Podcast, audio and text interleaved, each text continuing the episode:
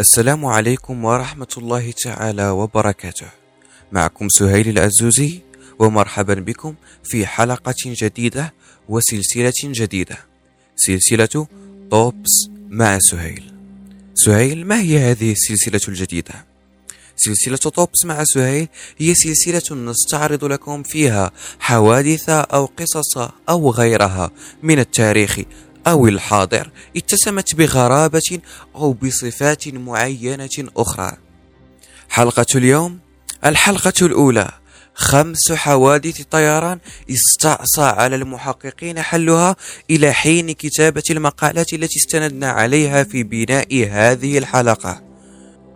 جاهزون؟ هيا بنا.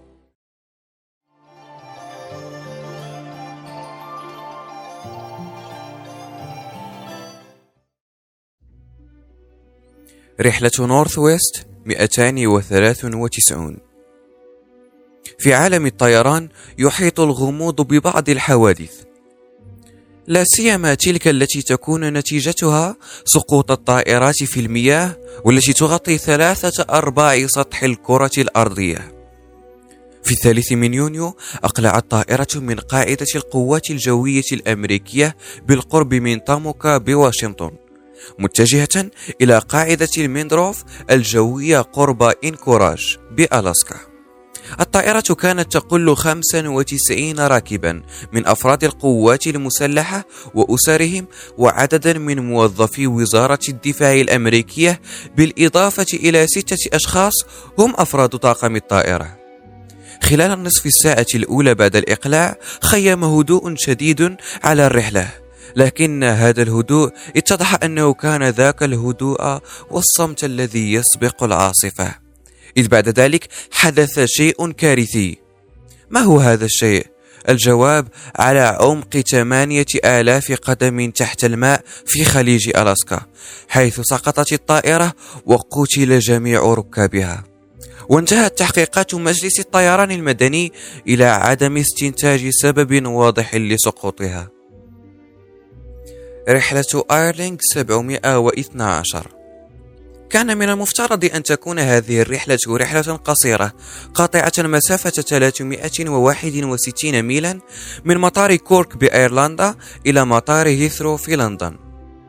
أقلعت الطائرة الصباح الرابع والعشرين من مارس 1968 ثم سقطت في البحر الأيرلندي وفقد جميع ركابها 57 بالإضافة إلى أربعة من أفراد الطاقم. حلقت الطائرة على علو 17 ألف قدم في سماء صافية. لكن بعد فترة وجيزة أبلغ الطياران برج المراقبة بأن الطائرة انخفضت إلى 12 ألف قدم بشكل مفاجئ وسريع. ثم تمكن الطياران من السيطرة عليها لمدة عشر دقائق لكن هذا كان قبل أن تسقط في البحر. انتشلت السلطات 14 جثة فقط.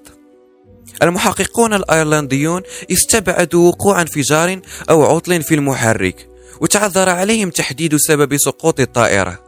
بينما ترددت شائعات باحتمال تعرضها لقذيفة طائشة انطلقت من قاعدة بريطانية في ويلز أو من سفينة حربية أو من طائرة بدون طيار. وفي أعقاب الذكرى الثلاثين للحادث طالبت عائلات الضحايا بإجراء تحقيق جديد. ووافقت الحكومة الأيرلندية على طلبهم.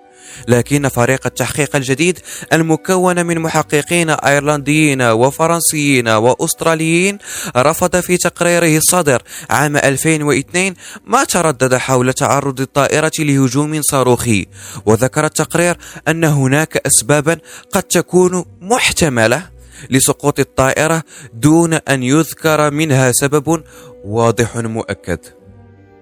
رحلة ساوثرن 932 في حرم جامعة مارشال في هنتينغتون فيرجينيا الغربية يوجد نصب تذكاري لطلاب فقدوا حياتهم في الرابع عشر من نوفمبر من سنة 1970 الطلاب هم معظم فريق كرة القدم المدرسي.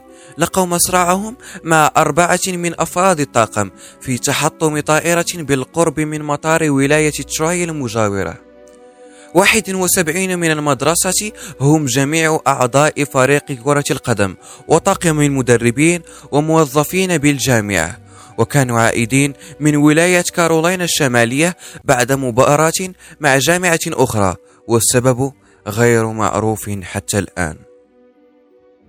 رحلة شمال إفريقيا 295 أقلعت طائرة وينغ 747 التابعة للخطوط الجوية الجنوب إفريقية في الثامن والعشرين من نوفمبر من سنة 1987 وعلى متنها 140 راكبا و19 شخصا هم أفراد الطاقم من تايبيه بتايوان إلى موريشيوس ومن ثم إلى جوهانسبورغ بجنوب إفريقيا.